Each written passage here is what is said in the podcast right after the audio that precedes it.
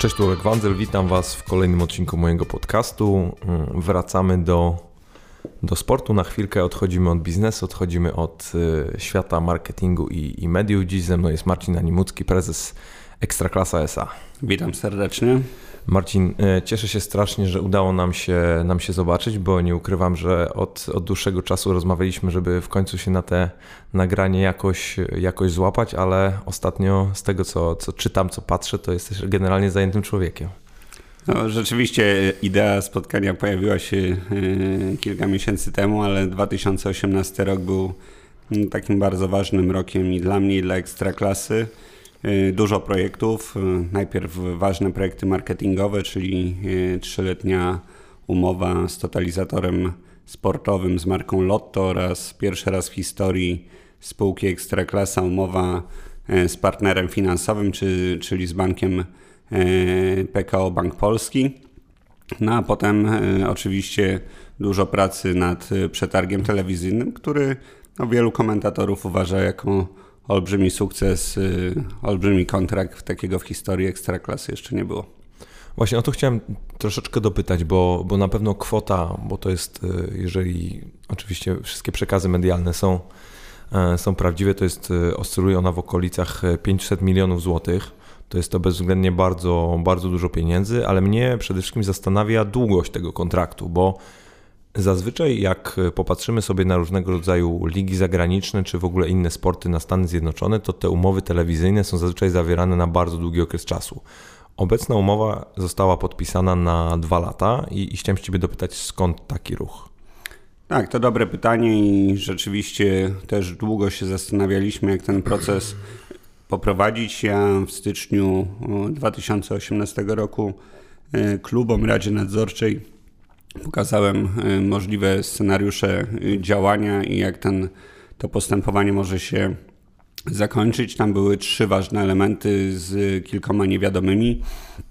Pierwsza to była kwestia y, współpracy z agencją MP Silva, bo ona też miała wpływ na finalne rozwiązania. Drugim to była właśnie kwestia wyboru pomiędzy długością kontraktu i w sumie dopiero w sierpniu podjęliśmy decyzję, czy będzie to dwuletni czy czteroletni kontrakt, bo rzeczywiście standardem europejskim są kontrakty 3, 4 czy pięcioletnie.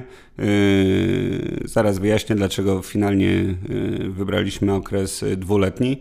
No i trzecie to oczywiście duży znak zapytania, jak telewizje płatne zareagują na stworzony przez nas pakiet meczów do telewizji otwartej no, zareagowały dobrze, więc y, w sumie uważam, że te wybory strategiczne w tych trzech obszarach y, okazały się bardzo dobre. Zaczynając od tego pierwszego, to sytuacja MP Silva. My w 2014 roku podpisaliśmy bardzo dobry, korzystny kontrakt dla ligi gwarantujący y, prawie miliard złotych gwarancji za sprzedaż praw na sześć sezonów, ale trudna sytuacja finansowa MP Silva i dobiegające głosy w drugim kwartale ubiegłego roku spowodowały, że się zastanawialiśmy, czy e, ten kontrakt przedłużać, czy go wygaszać, czy go zmieniać, modyfikować, czy szukać innej agencji. E, finalnie zdecydowaliśmy się na zbudowanie mocnych kompetencji wewnątrz ekstraklasy i w takim 4-5 e, osobowym zespole, czyli Leszek Miklas, Marcin Serafin, Marcin Mikucki, dyrektor marketingu i sprzedaży, Leszek i, i Marcin Serafin to oczywiście Ekstraklasa Life Park yy, i później oczywiście dołączyli do nas prawnicy Michał Fereniec z Greenberga, który no, prowadził już trzy procesy sprzedażowe dla Ekstraklasy. W tym gronie y, zaczęliśmy pracę nad stworzeniem pakietyzacji i potem sprzedażą już bez agencji zewnętrznej, która to decyzja nas spowodowała, że w samej w samym procesie tych pieniędzy ekstraklasie zostało jeszcze więcej, bo nie trzeba było płacić y, po prostu agencji. Drugim obszarem to ten obszar, y, o którym wspominaliśmy, czyli 2 czy 4 lata. Dwuletni cykl nie jest, nie rekomendowałbym go w normalnych warunkach jako doradca. Niemniej jednak poruszaliśmy się w trzech bardzo ważnych aspektach. Pierwszy to Pamiętajmy o rozgrywkach Mistrzostw Świata w Katarze, które będą miały olbrzymi wpływ na wygląd rozgrywek europejskich w sezonie 21-22 i 22-23. On będzie, może nawet o trzeci sezon zahaczy ta, ta, ta, ta decyzja, bo nie wiem, czy wszyscy sobie zdajemy sprawę. Y, mecze będą rozgrywane w ramach Mistrzostw Świata y, na przełomie listopada i grudnia, co oznacza, że y, tracimy dwa miesiące grania w piłkę, czyli właśnie listopad i grudzień. Kilka tych terminów wypadnie, no i wtedy duży znak zapytania, jak w ogóle rozgrywki będą wyglądać. No, dobrze jest oferować partnerom telewizyjnym, partnerom mediowym produkt, który wiadomo ile ma meczów, ile kolejek, jak, w jakim systemie się gra, to jest duża niewiadoma. Drugim takim aspektem to y, była kwestia y, współpracy z Polskim Związkiem Piłki Nożnej. Nasza licencja jest do czerwca 2021 roku, więc też nie można oferować czegoś, co, co jeszcze nie jest w naszych kompetencjach.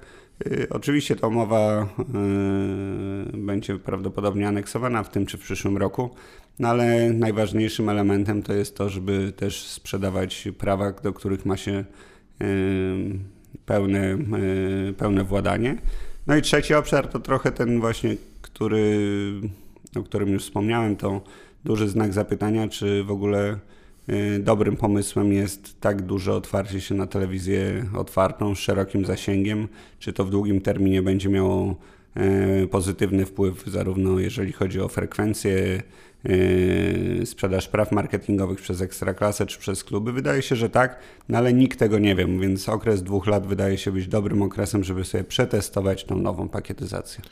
Wiesz co, powiem Ci, ja bym się mm, zatrzymał na chwilkę na tym punkcie numer 3, bo, bo nie ukrywam, że jak ja zobaczyłem, że udało się porozumieć gdzieś trójstronnie pomiędzy Ekstraklasą, e, Kanal Plus a, a telewizją polską, to to na mojej twarzy bezwzględnie zagościł uśmiech, bo wydaje mi się jednak, że gdy mówimy o sporcie, który jest bezwzględnie numer jeden, jeżeli chodzi o nasz kraj, to byłoby super, żeby ligowe mecze były możliwe do obejrzenia troszeczkę szerszemu gronu, bo, bo pamiętajmy, że nie wszystkich mimo wszystko w, w, naszym, w naszym kraju stać na e, rozwinięty pakiet NC, a, a mimo wszystko, gdy mówimy o samym produkcie, jakim jest Ekstraklasa, jakim jest Polska Liga, to byłoby super, żeby też ona czasami mimo wszystko miała szansę na takie oglądalności, jakie na przykład ma, mają mecze reprezentacji. Zastanawiam się, czy to też był jeden z Waszych takich strategicznych celów, żeby do tej szerszej publiki mimo wszystko trafić. Tak, to, to, to był jeden z podstawowych celów. Pytanie było, jak dużo meczów możemy do telewizji otwartej, yy, telewizji otwartej zaoferować i finalnie yy, jak to będzie wyglądało. No tak, bo to jest ten balans, rozumiem, pomiędzy tym, co się komercyjnie opłaca NC, czy tam Kanal Plus, żeby oni to faktycznie chcieli nabyć, a z drugiej strony, żeby było to zachowane, ta, ta proporcja pomiędzy tym, co można wsadzić do pakietu, a co nie.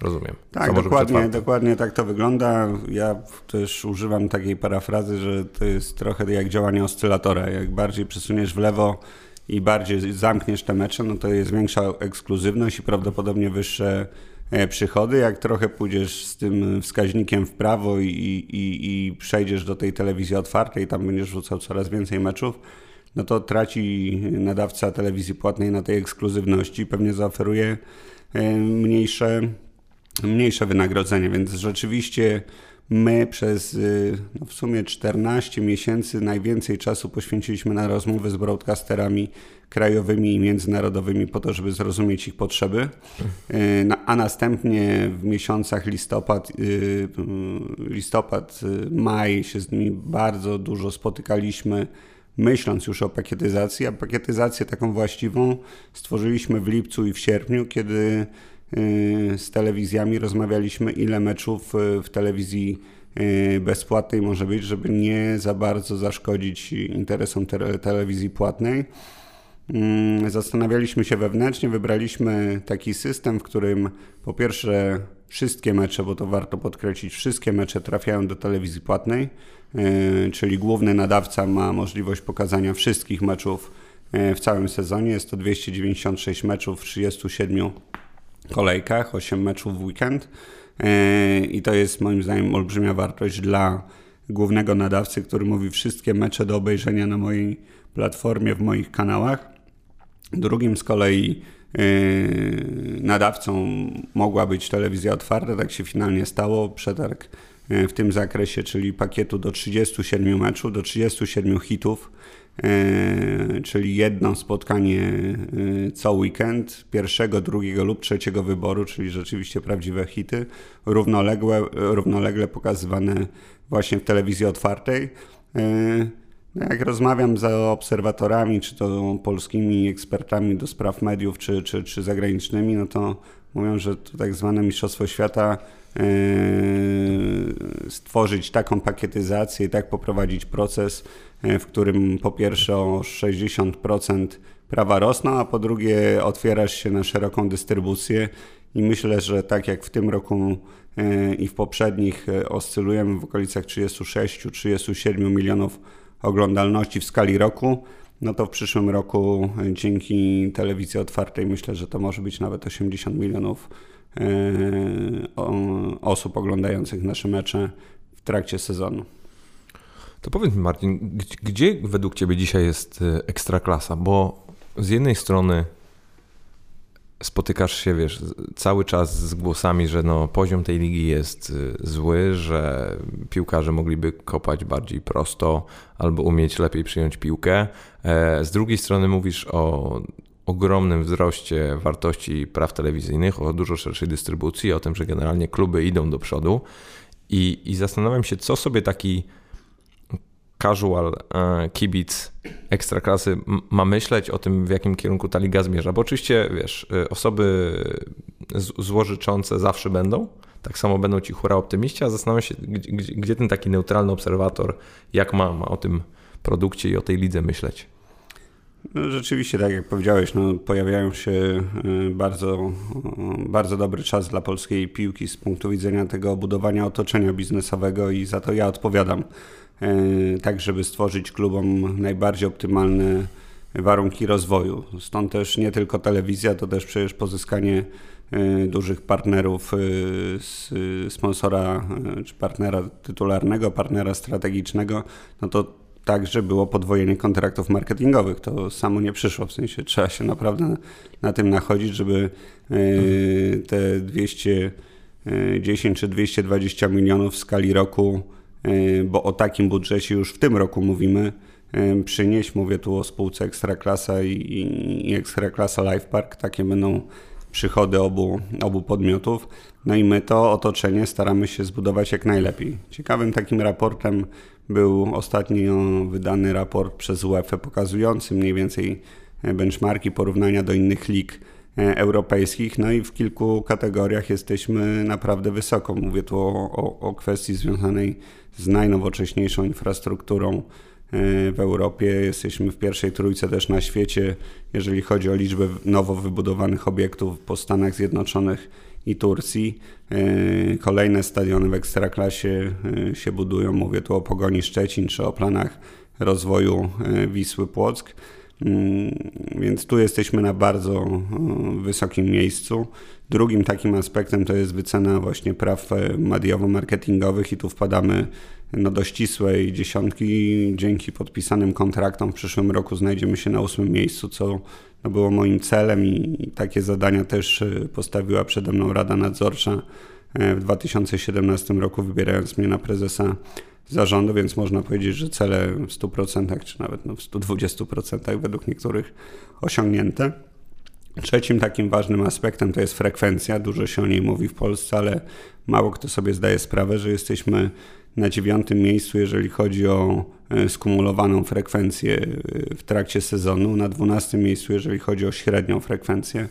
E, przed nami jest Portugalia, która ma 3,3 miliona osób chodzących na stadiony w sezonie, więc to też jest pierwsza dziesiątka. Mamy transmisje telewizyjne na poziomie naprawdę najlepszych lig y, światowych, bo y, według różnych rodzajów ekspertów jest to czwarte, piąte miejsce. Przypomnę tylko, że olbrzymie inwestycje ekstraklasy y, i ekstraklasy Life Park w 2015 roku zakupiony wóz HD dwa miesiące temu, pierwsza transmisja też naszego wozu 4K, w przyszłym sezonie 100 transmisji 4K no to stajemy na poziomie ligi angielskiej, ligi niemieckiej czy ligi hiszpańskiej, jak równy z równym w tym zakresie.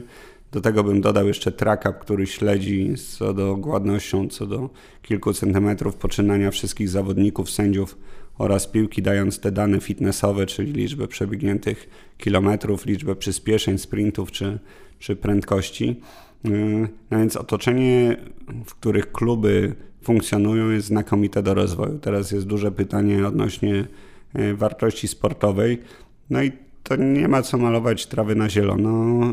Y, w tym sezonie i w poprzednim nie graliśmy w pucharach europejskich, na co y, z czym wszyscy ubolewamy, ale ambicje klubów są w tym zakresie duże i po to to wszystko robimy, żeby żeby, żeby w tej Europie zaistnieć. No kilka lat temu nie było tak źle. Mieliśmy dwa zespoły na wiosnę, mieliśmy bardzo fajne mecze Legii Warszawa, przecież też awans E, do Ligi Mistrzów po 25 latach, więc umówmy się, to są wielkie rzeczy, które, e, które pokazują, że tam jest nasze miejsce. W sensie nasze miejsce jest w Europie mm, i trzeba o to walczyć, choć oczywiście zaraz ktoś przytoczy ranking UEFA, gdzie, gdzie klubowy ranking UEFA budowany przez kluby, więc, więc trochę mniej na to mam wpływu. Mm, no ale ranking jest słaby. Znajdujemy się dość nisko, a powiem szczerze, jak odpadną nam te punkty za Ligę Mistrzów, a one są w takim systemie przecież pięcioletnim wyzerowywane, y, no to spadniemy pewnie jeszcze niżej. Szczęśliwie jest to, że między 16 a 29 miejscem oprócz prestiżu nie ma żadnej różnicy, bo chodzi o to, żeby się znaleźć w tej grupie y, krajów, które, które później zaczynają kwalifikacje. No a żeby dotrzeć do pucharów europejskich, do, do fazy grupowej, to trzeba wygrać 6 lub 8 meczów. W sensie no, rozegrać 6 lub 8 meczów i, i, i wyjść z nich zwycięsko, yy, co jest trudne. No, zespoły w Europie mogą zacząć sobie w sierpniu, mogą wpaść w ogóle od razu do, do fazy grupowej. My tego luksusu nie mamy, musimy wywalczyć tą, to w drodze kwalifikacji na boisku. No, a z drugiej strony, jak sobie tak zobaczymy, z kim przegrywamy, no to oprócz y, być może niefortunnej y, przygody Legii y, ostatnio w Pucharach, no to przegrywaliśmy z mocniejszymi od siebie, bo przecież czy to Jagiellonia, czy, czy, czy Lech przegraliśmy z zespołami belgijskimi, które były i mocniejsze budżetowo, kilku, kilka razy lepsze, z lepszymi zawodnikami. Dla mnie fajnie, że Jagiellonia przeszła Portugalię, którą, której nigdy żaden polski zespół nie mógł nie mógł przejść, no więc to też pokazuje, że, że możemy sprawić niespodzianki. No i trzymam kciuki za polskie drużyny e, w europejskich pucharach, kwalifikacjach, chociaż powtarzam, może być z roku na rok coraz trudniej, szczególnie, że nowy pomysł na rozgrywki, zamknięta e, ścieżka taka mistrzowska do, do Ligi Mistrzów, walczymy tylko o cztery miejsca, e, bo wszystkie inne już są rozdysponowane. Liga Europy dużo kwalifikacji. No pytanie o trzeci poziom rozgrywek, y, który został stworzony przez UEFA.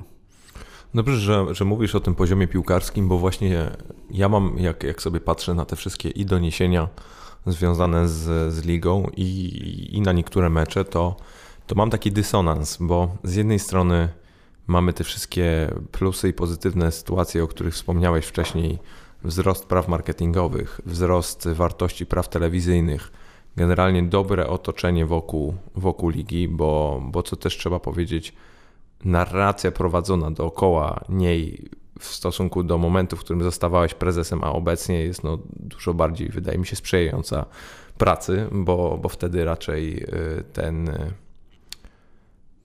te wszelkiego rodzaju wypowiedzi, czy, czy, czy felietony, czy jakiekolwiek inna działalność publicystyczna były raczej mocno nastawione na, na atak. Słusznie bądź niesłusznie, to już jest, to już jest kwestia mocno subiektywna.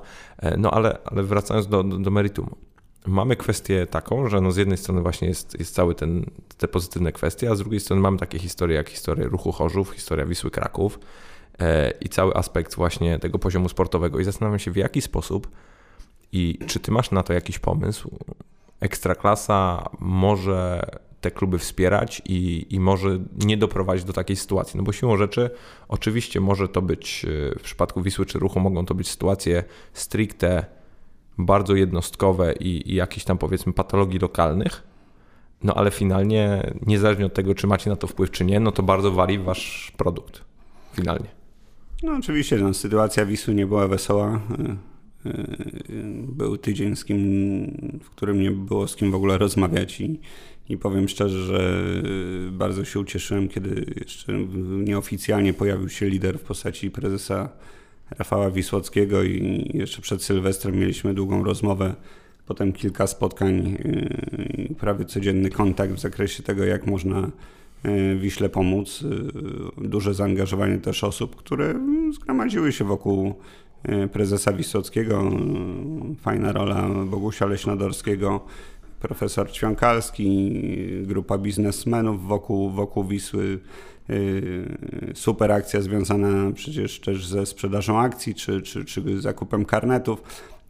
Okazało się, że Wisła była przez kilkanaście dni, przez, przez niecałe dwa tygodnie, może w tym trochę złym aspekcie, no ale jednak na ustach całej Polski, pokazując siłę zarówno ekstraklasy, jak i Wisły, jak dużym e, elementem emocjonalnym obdarza się klub, który nabudował historię polskiej, polskiej piłki.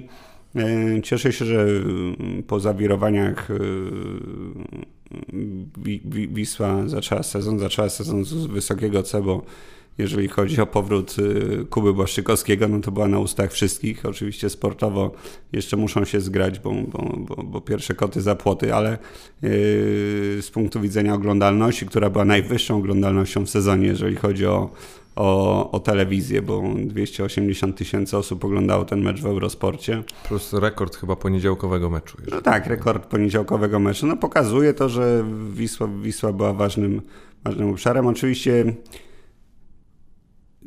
to był problem złożony, to, to, to kwestia i, i kwestii menedżerskich, za, zarządzania tym wszystkim, kwestia da, dawnego zadłużenia, tam chyba kilku trenerów na payrollu, tych, którzy byli zwalniani w ostatnich czterech latach, yy, no też założenia pewnie transferowe, transferów wychodzących, które nie zostały spełnione, no to wiele czynników się skupiło na tym, że, że stało się jak się stało, teraz Wisła ma nowy start, nowy początek, może się odrodzić jak Feniks popiołów i z tego jeszcze coś dobrego będzie. Y, w każdym razie no, na bezpośredni wpływ, jak kluby są zarządzane, nie mam mm, praktycznie żadnego wpływu, bo trzeba przypomnieć, że y, to kluby są właścicielami ekstraklasy i de facto są moimi szefami, a nie odwrotnie, więc y, ja, że tak powiem, znam tą relację, wiem wiem, gdzie się mogę poruszać. Raczej jestem osobą, która właśnie tworzy otoczenie biznesowe wokół klubów, tworzy otoczenie do wzrostu, pomaga klubom i też wychodzi naprzeciw, y, kiedy są jakieś kłopoty.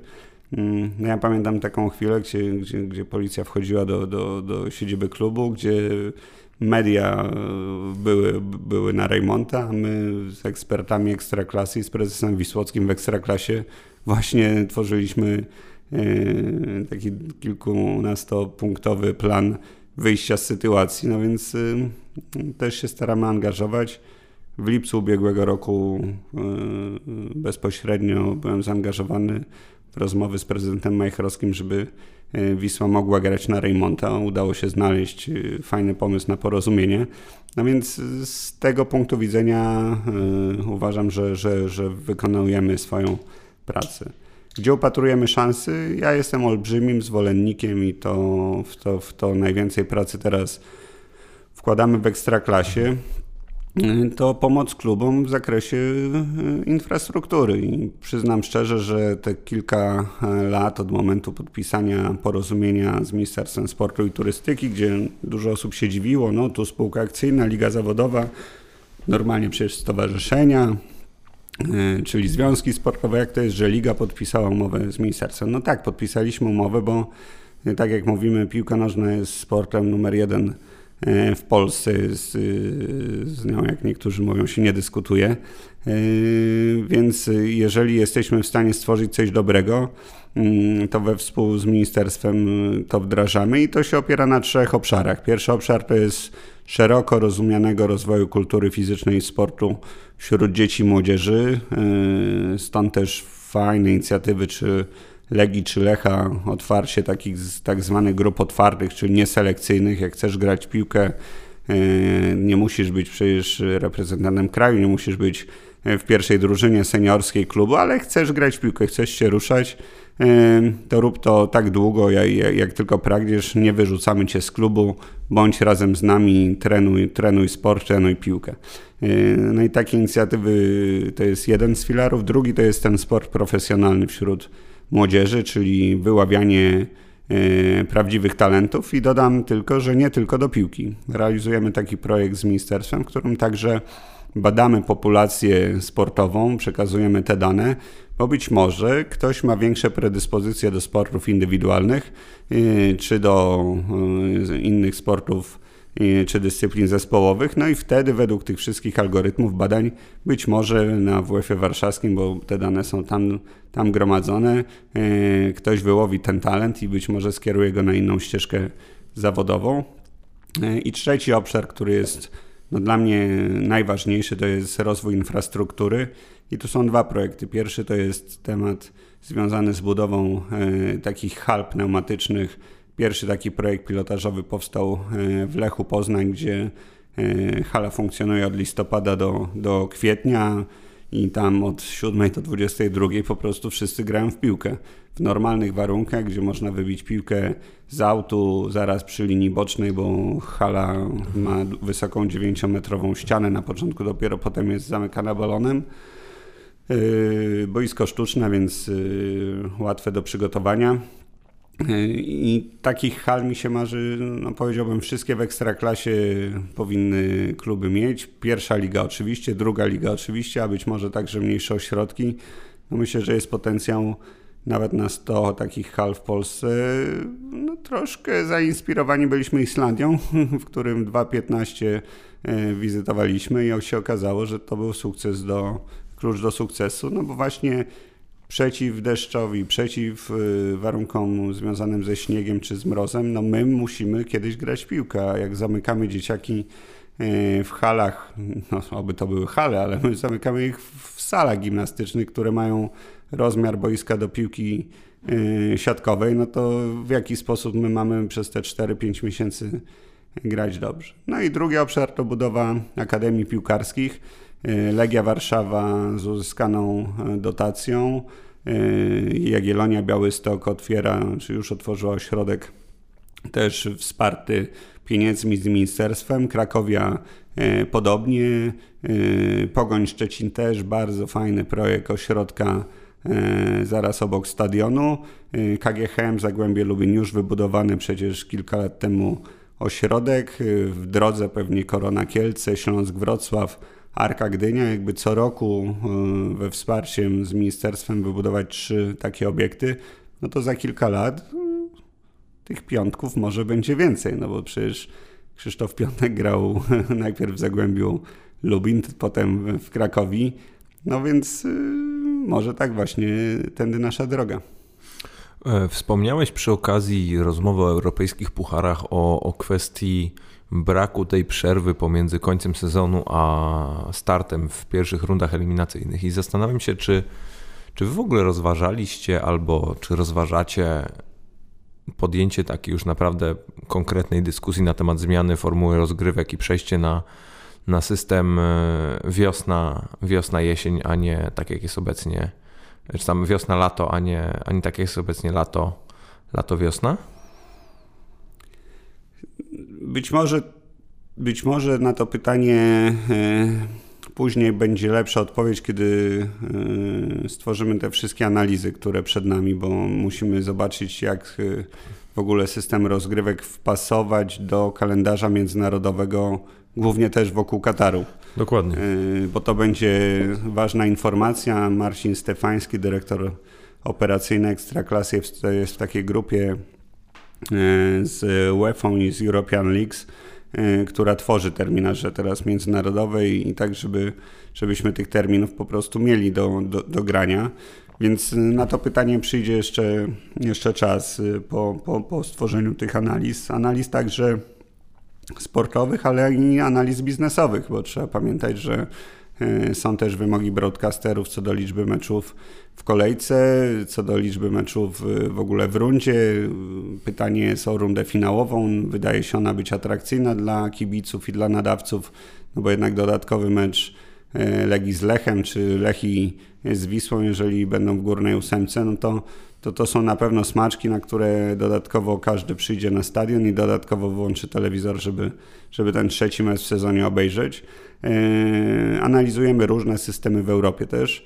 E, analizujemy system czeski, który jest dość ciekawy, 35 kolejek, też e, faza zasadnicza, faza dodatkowa, wprowadzone nowe dogrywki, że tak powiem, czy, czy, czyli poza rundą zasadniczą dodatkowe finał, rundy finałowe w różnych, w różnych ligach. Coraz więcej takich lig w ogóle tak gra, czyli odchodzi od systemu yy, mecz i rewanż. Z, z, kolei wiosna, mm, system wiosna-jesień. A wydaje się, że ze względów klimatycznych byłoby to optymalne rozwiązanie. Yy, tak grają kraje w podobnej sferze yy, klimatycznej. Przede wszystkim na wschód, nie? Yy, no ale z kolei też słyszę głosy, że to byłoby kolejne dziwactwo i byśmy inaczej grali niż duże ligi, więc całe środowisko musiałoby się zgodzić i to nie tylko ekstraklasa, tylko też wszystkie ligi w dół, bo no wtedy zmieniasz yy, nie tylko ligę w, w, na najwyższym szczeblu, ale przecież zasady spadków i awansów dotyczą wszystkich lig od ekstraklasy do, do najniższych yy, rozgrywek ligowych w Polsce. No i tutaj też wchodzi wtedy rozmowa już na pewno dużo, na dużo bardziej zaawansowanym poziomie ze związkiem, no bo siłą rzeczy, tak jak wy Możecie zarządzać ligą wewnątrz e, tak, jak chcecie, w ramach oczywiście ustalonych pewnych reguł. No tak, jak mówimy już o, o niższych szczeblach rozgrywkowych, no to tutaj PZPN ma, ma bardzo dużo do powiedzenia i ja, ja oczywiście nie rozmawiałem z nikim z przedstawicieli związku o tej kwestii, ale, ale jestem bardzo ciekawy, czy, czy w ogóle tego typu projekt na tak dużą skalę w Polsce byłby do przeprowadzenia, bo też z drugiej strony nie jestem w stanie sobie w sumie wyobrazić lepszego momentu na zrobienie czegoś takiego niż właśnie te Mistrzostwa Świata w Katarze, bo, bo siłą rzeczy będziecie musieli tak czy tak coś zrobić. Teraz będzie kwestia tego, czy to będzie tylko one-off na, na ten konkretny okres czasu, czy może być z tego jakiś tam mm, dłuższy, dłuższy horyzont. No teraz, na, teraz najważniejsze jest to, że kluby wraz z PZPN-em y, umówiły się, że do, do, do 2021 roku, czyli jeszcze przez 2,5 sezonu gramy w systemie 37 kolejek bez podziału punktów, który no, był trochę zwariowany y, i wprowadzał w błąd w ogóle rozumienie tego systemu, bo dla mnie najważniejszym elementem jest granie przez 30 kolejek o pierwszą ósemkę i to pokazuje, że każdy mecz ma znaczenie no a potem w dogrywce rzeczywiście gra o europejskie puchary, czy o uniknięcie spadku. No to spowodowało też, że w sumie do ostatniej kolejki e, wszystkie karty na stole e, dopiero się pojawiają po ostatnim gwizdku sędziego w, w ostatniej minucie, więc, więc to też może być interesujące według różnych rankingów właśnie przez to, że jest taka duża niewiadoma. Stajemy się ligą ciekawą, no, chociaż też pojawiają się głosy, że najlepiej byłoby znać mistrza kraju dużo wcześniej. No nie wiem, są różne, różne opinie. No właśnie, bo znowu tutaj dochodzimy troszeczkę do kwestii e, godzenia tych interesów broadcasterów z klubami, z, i to klubami, wiesz, lepszymi, gorszymi, czy tam bardziej powiedzmy podzieląc je na z dużym budżetem, czy z mniejszym budżetem, no bo zakładam, że przy założeniu takim, że potencjalnie ktoś z topowej czwórki, nie wiem, Legia, Lech, Jagiellonia, czy, czy, czy kto tam akurat jako, jako numer 4 się tam, się tam podłapie w tym sezonie. Lech jak Gdańsk na przykład, no bo też mają fenomenalny sezon.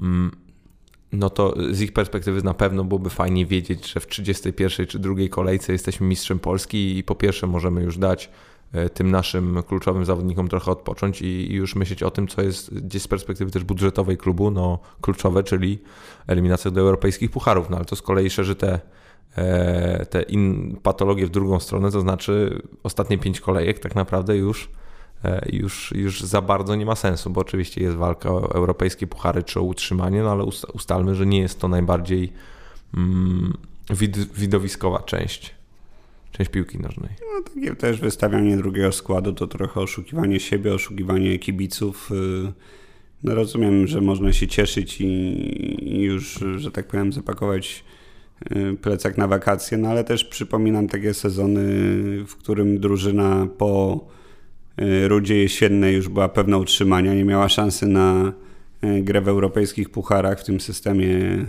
mecz rewanż i w sumie na wiosnę nie wygrała żadnego meczu. No to nie wiem, czy taki jest sens rywalizacji sportowej. Znaczy, z mojej perspektywy ja w ogóle jestem fanem wszelkiego rodzaju playoffów i, i rozgrywek, rozgrywek pucharowych postzasadniczych, bo to jest też mi bliski system czy z koszykówki, czy, czy z jakichkolwiek innych sportów amerykańskich, no zakładam, że, że ty te, też znasz bardzo dobrze e, tego rodzaju emocje, gdzie mimo wszystko ten sezon zasadniczy jest jednak do po to, żeby po pierwsze wywalczyć sobie to miejsce, po drugie, żeby jednak mimo wszystko w pewnym sensie mm, przetestować sobie różnego rodzaju rozwiązania. Ja się zastanawiam, czy na przykład w piłce nożnej byłaby możliwość e, zrobienia takiej sytuacji, gdzie tak naprawdę w sezonie zasadniczym walczysz tylko o miejsce rozstawienia, a potem masz normalny system pucharowy i, i gra, wiesz, pierwsza z, z ósmą, druga z siódmą, etc. I, I nagle taki lider po, po sezonie zasadniczym może ci odpaść w pierwszej rundzie pucharowej. Zastanawiam się, czy w piłce nożnej to jest w ogóle możliwe. Ja myślę, że ta kombinacja, gdzie liga gra systemem, powiedzmy runda zasadnicza i potem nawet runda finałowa, ale jednak jest mecz i rewanż i nie odpada się na jakimś poziomie e, z rywalizacji, jest systemem dobrym w połączeniu z tym, że mamy komplementarne rozgrywki Pucharu Polski, no, które są e, rozgrywane playoffem. Tak? E, teraz mniej rewanżów, co oznacza, że każdy mecz ma, ma znaczenie. Yy, wystarczy yy, wygrać yy, dosłownie kilka meczów i możesz mieć europejskie puchary też, też w kieszeni. Chociaż to nie jest łatwe, bo musisz wygrać je wszystkie.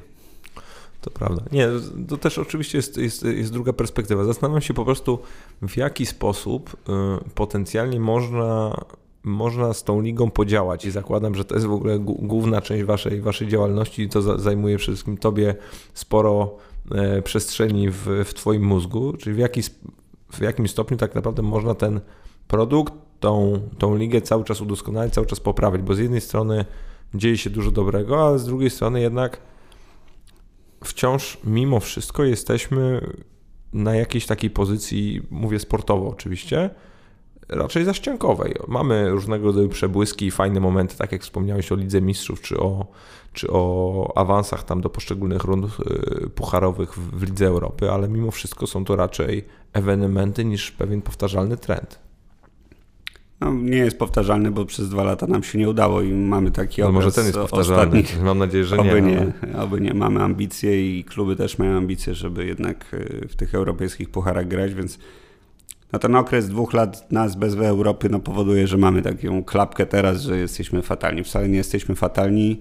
Yy, fajnie się rozwijamy, nawet te raporty, o których wspominaliśmy na początku rozmowy UEFA, mówią, że cechuje nas jedna z największych dynamik wzrostu, bo yy, przypominam sobie czasy, kiedy przychodziłem do ekstraklasy, to prawa mediowe kosztowały 87 milionów złotych. W przyszłym roku 250 milionów kontrakt. No więc umówmy się, to wzrost prawie trzykrotny. Liczba kibiców na trybunach Pamiętam lata jeszcze przed tą, tym rozwojem infrastruktury, kiedy na stadiony przychodziło milion osób. Dzisiaj to niecałe 3 miliony osób. Patrzymy na trendy europejskie, patrzymy, że potrzebujemy na przykład większej budowy społeczności wokół klubów lokalnej. Co tworzą kluby, co tworzy Ekstraklasa? Na przykład wszystkie kwestie związane z rozwojem social mediów, e, z aplikacjami. No my stworzyliśmy super produkt e, aplikacyjny. W Europie już go zauważają, bo jeżeli chodzi o Android Grades 4,5 w skali 5 i przebiliśmy takie ligi jak La Liga, Bundesliga czy, czy Premier League, jeżeli chodzi o zadowolenie fanów z tego typu narzędzia. My jesteśmy nieźli w ogóle, jeżeli chodzi o budowanie społeczności lokalnych, jednak to przywiązanie do klubu, przywiązanie yy, w mieście czy w regionie do, do klubu sportowego, klub łączy i, i, i myślę, że to jest olbrzymia wartość, którą coraz lepiej wykorzystują kluby. Yy, no między sobą w aplikacji 2,5 miliona interakcji. To nie wiem ile firm musiałoby stworzyć takie, te, tak emocjonujące i angażujące produkty, żeby y, tyle o nich y, mówić. Więc y, z tej perspektywy uważam, że robimy bardzo, bardzo dużo dobrych rzeczy. Jak dojdą te akademie, jak dojdzie świadomość, że w sumie szkolimy graczy, którzy są gotowi na podwój Europy. Bo piątek jeszcze pół roku temu grał w Ekstraklasie. wtedy nie był taką marką globalną. Okazuje się, że nawet w Polsce nie był jeszcze tak popularny. Wystarczyło pół roku, no jest teraz na ustach nie tylko całej Polski, ale całej Europy. No to jest chłopak z ekstraklasy. Takich ludzi mamy i takich jest na pewno więcej. Dostrzeżmy ten potencjał, wierzmy w siebie. Yy, niech zawodnicy przede wszystkim też zrozumieją, kiedy najlepiej z ekstraklasy być wytransferowanym, żeby jednak trochę, trochę w niej pograć, trochę się oswoić, żeby być po prostu przygotowanym, bo moim zdaniem to pokazuje, że lepiej wyjechać i dobrze rozegrać pół roku czy rok, no niż y, za szybko wyjechać i po roku niestety do Polski wrócić, a kilka takich transferów też mieliśmy, kiedy jeszcze zawodnicy nie byli przygotowani y, do wyjazdu do, do, do lig mocniejszych.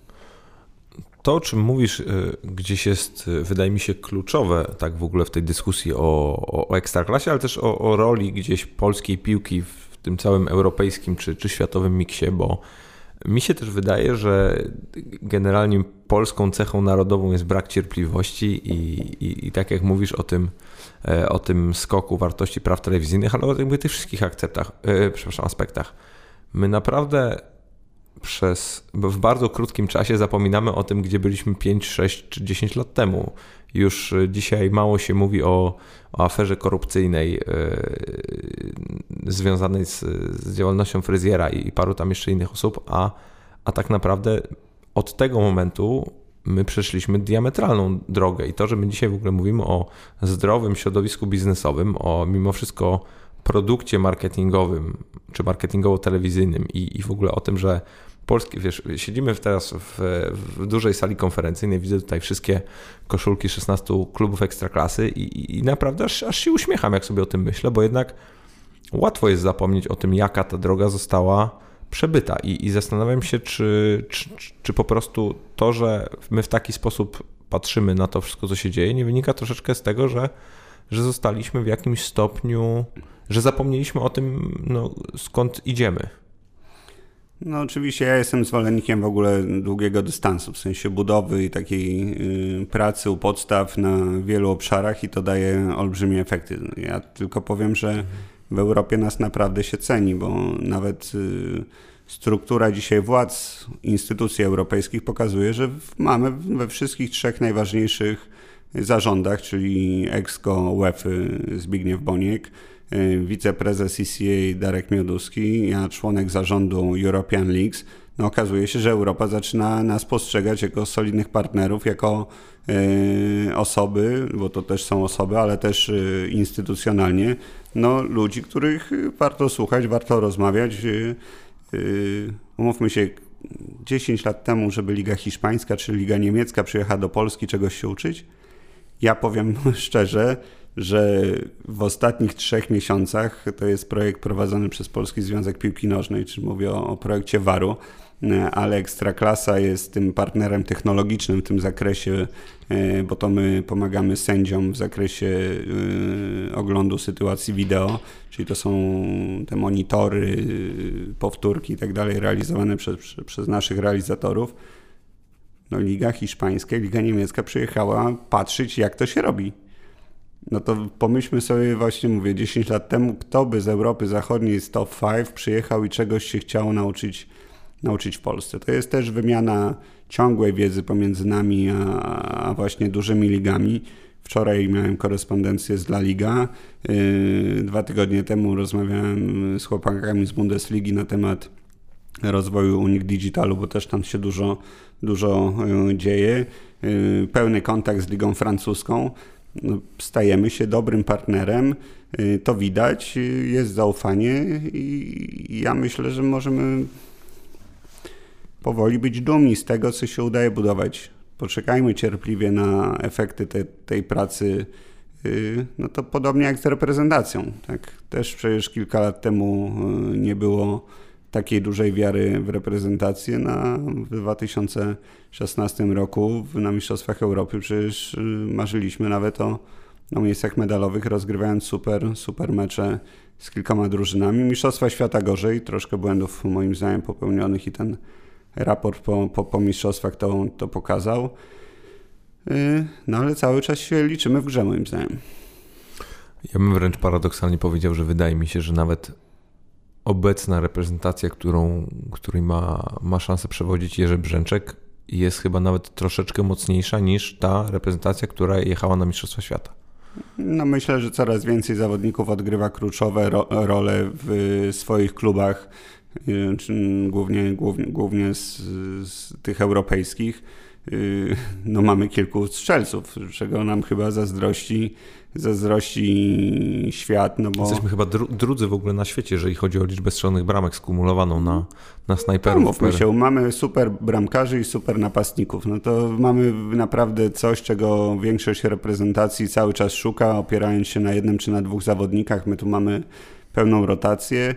Y, jeżeli by się pojawili kreatywni zawodnicy w środku pola, tych także jest coraz więcej, e, no to jest z kim grać. No i wtedy jeszcze poszukajmy obrońców, tak żeby nam się po wyłamaniu się, nie wiem, zęba trzonowego w postaci Kamila Glika nie rozsypała cała, cała brona. Jak masz kor w postaci bramkarz, obrońca, pomocnik i napastnik, no to wokół tego budujesz wspaniałą reprezentację, więc rzeczywiście uważam, że, że mamy duży potencjał. Jest też dużo bardzo młodych zawodników, czyli w perspektywie tego, że ojeju, co robimy, bo za dwa lata czy za cztery lata kończy karierę Robert Lewandowski na poziomie reprezentacyjnym, no tak, ale mamy jeszcze kolejnych. Mi się też wydaje nawet, że, że ten okres jednak gry Mm, poszczególnych zawodników będzie się jeszcze wydłużał, nie? że tak jak żyjemy dłużej, tak, tak, tak będziemy grać dłużej, więc jestem bardzo ciekawy, ile, ile to realnie potrwa. Ale, ale wróćmy do, do ekstraklasy, bo też pytam, mówię o tej cierpliwości i generalnie o tym, o tym długim terminie też, też dlatego, że jestem bardzo ciekawy, gdzie, gdzie wy zmierzacie jako liga i, i jak ty sobie byś wyobrażał to ekstraklasę za, za lat 10 czy 15? Kim wy byście chcieli być i do czego, do czego dążycie?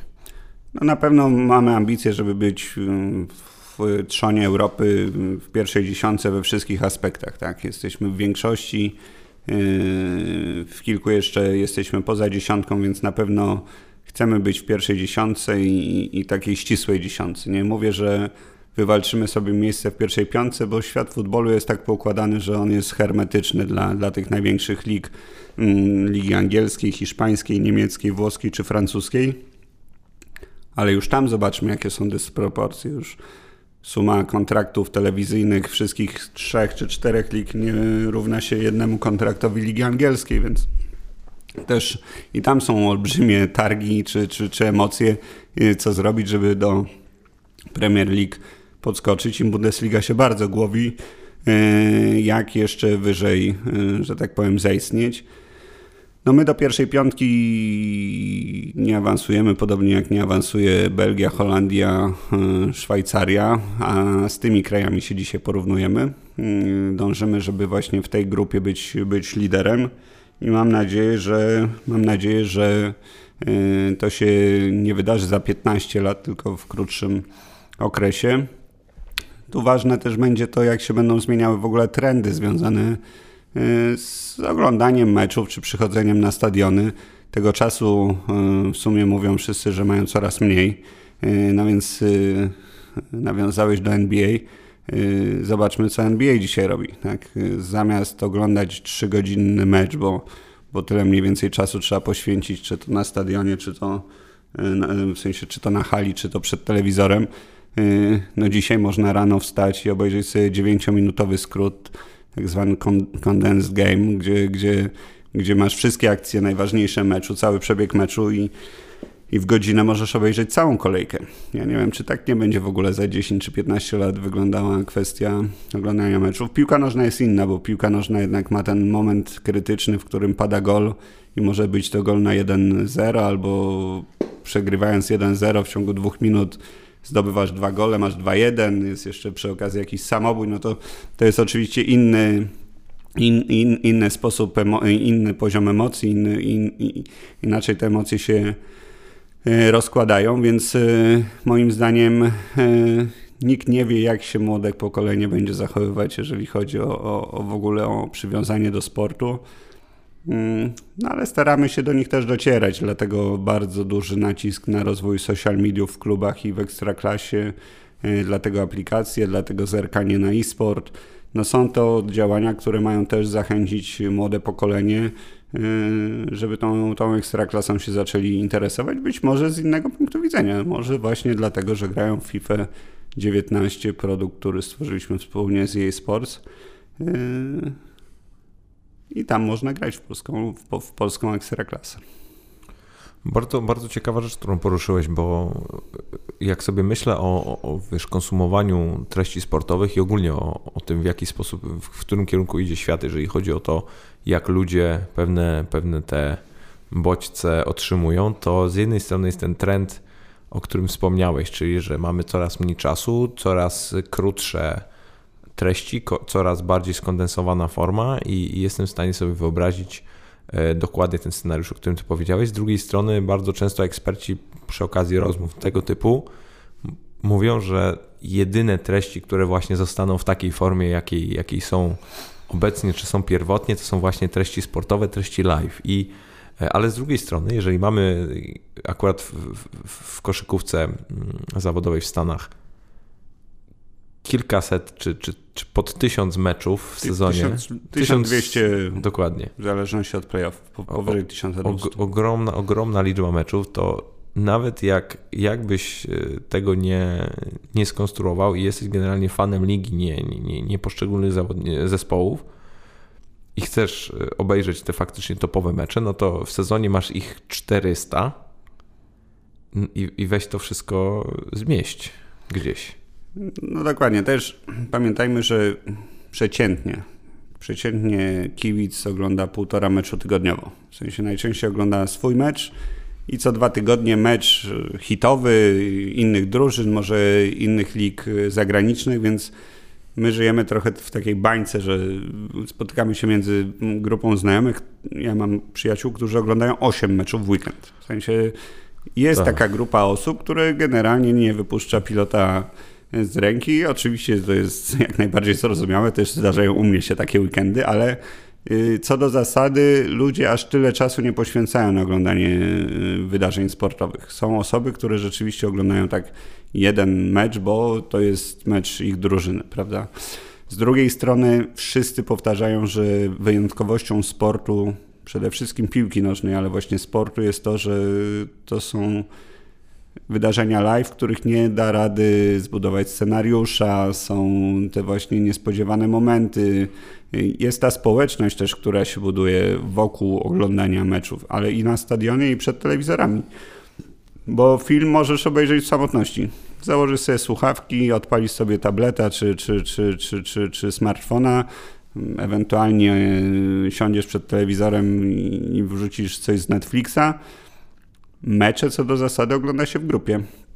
I tak też wychodzi nam z badań, na przykład jednym z ograniczeń przychodzenia na stadiony. Często osoby mówią, że nie mają z kim pójść na stadion. W sensie sami nie chodzą. Pójdą z kimś, jeżeli się znajdzie grupa osób, która, z którą się mogą zidentyfikować i, i z nimi rozmawiać.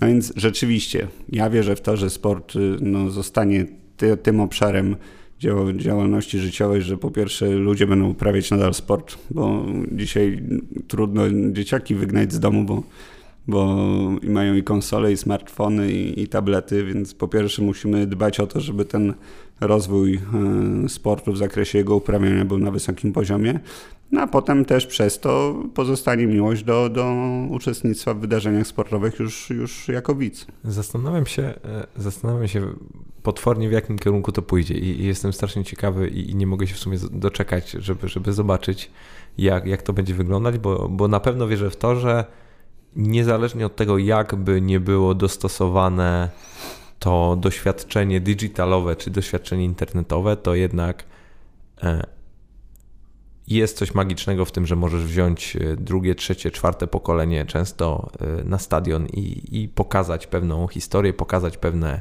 pewne emocje i, i jednak pamiętam jak jeszcze pracowałem w Legii rozmawialiśmy w ogóle na samym początku o projekcie Legia Soccer Schools, to, to takim motywem przewodnim tego projektu był, był, był aspekt taki, że my chcemy wychowywać kolejne pokolenia kibiców. I chcemy sprawić, że ten ojciec czy, czy ta rodzina, która z tą Legią jest związana od samego początku, albo też właśnie z, przysłowi z przysłowiowego dziada pradziada, będzie miała możliwość i w pewnym sensie platformę do tego, żeby to dziecko, czy chłopca, czy, czy dziewczynkę, od najmłodszych lat zarażać właśnie tą miłością do klubu. I, I, wydaje mi się, że jak już tak rozmawiamy w ogóle wiesz, o przyszłości, to to jest jednak chyba jedyna rzecz, której bym bardzo nie chciał, żeby została gdzieś e, z tego miksu wyłączona, bo, no bo to jest też jeden z, e, ze sposobów, gdzie, gdzie można właśnie rodzinnie spędzać czas i faktycznie mm, gdzieś te relacje budować, no bo sam zresztą wiesz, e, masz dzieci i jest o to coraz trudniej. Tak, rzeczywiście mam dwóch sportowców w domu. Co prawda na razie judo, ale tak mi polecili trenerzy piłki nożnej i koszykówki, żeby najpierw zbudować solidne podstawy. My jeździmy też na zawody różnego typu i to jest sposób na spędzanie e, czasu. Często się mówi, że piłka nożna nie jest sportem rodzinnym. No, może nie jest tak, że idzie się całą rodziną, ale właśnie bardzo często jest tak, że ojciec zabiera swoje dzieci, czy to syna, czy, czy, czy córkę na mecz I to bardzo dobry pomysł, o którym wspomniałeś, y, który Legia y, rozwijała czy, czy, czy pielęgnuje, bo znam osoby i jest to bardzo duża grupa osób, które y, po latach nieobecności albo w ogóle kiedy nie były na meczu, jak przychodzi na stadion, to się okazuje, że odkrywają nowe życie. W sensie to jest nowa forma rozrywki dla nich nieznana, którą kochają i potem nie chcą jej wypuścić, bo z piłką jest coś takiego ciekawego, że jak już się w niej jest w różnej formie, to ciężko, ciężko ją rzucić. To prawda. Marcin, bo zmierzamy powoli do końca i, i, i chciałbym mm, Cię tak zapytać, o, to może mocno filozoficznie zabrzmi, ale czego byś życzył polskiej piłce? polskiej piłce. No, na pewno, na pewno sport ocenia się przez zdobyte trofea i, i mam nadzieję, że kraj, który jest ambitnym krajem, takim jak Polska, kraj duży, kraj, który y, no, powstawał z kolan wiele razy w historii yy, współczesnej czy, czy, czy, czy dawnej. Mam nadzieję, że na czas, kiedy się odbudowujemy, kiedyś przyjdzie ta nagroda i ona przyjdzie w postaci właśnie trofeów, e, czy to w skali europejskiej, czy, czy, czy światowej, czy to też w zakresie pucharów europejskich, no bo kiedyś nasze drużyny jednak też w Europie stanowiły dość ważny element e, tej gry. E, może będzie nam ciężko na początku i będziemy nadal przegrywać, czy to z Hiszpanami, czy, czy z Anglikami na różnym poziomie, ale może kiedyś się uda, tak jak nie wierzyliśmy w wygraną z Niemcami czy, czy, czy, czy z Anglikami kiedyś, no ale się jednak udaje pokonywać tę drużynę. A czego tobie życzyć? Oprócz zdrowia. Ja na razie jeszcze jestem poniżej 40 roku życia, więc przede mną ten najtrudniejszy okres, y, więc zobaczymy. Ja fajnie, że wróciłem do sportu, y, trochę gram w kosza, trochę trochę trenuję judo, ostatnio też y, trochę na nartach, więc no rzeczywiście zdrowie, zdrowie może być tu kluczowym aspektem, żeby się gdzieś tam nie, nie połamać, odpukać. E, no co, fajnego czasu, fajnego czasu zarówno zawodowego, jak i, jak i prywatnego. Myślę, że jeszcze dużo do osiągnięcia przed nami, przed, przed Ekstraklasą, przede mną. 2018 mm, rok był super, w sensie bardzo dobry. Wokół było dużo więcej trudności. Yy, no więc takich lat jak 2018, żeby się multiplikowały. To tego Ci życzę i bardzo Ci dziękuję za, za Twój czas. Dziękuję bardzo.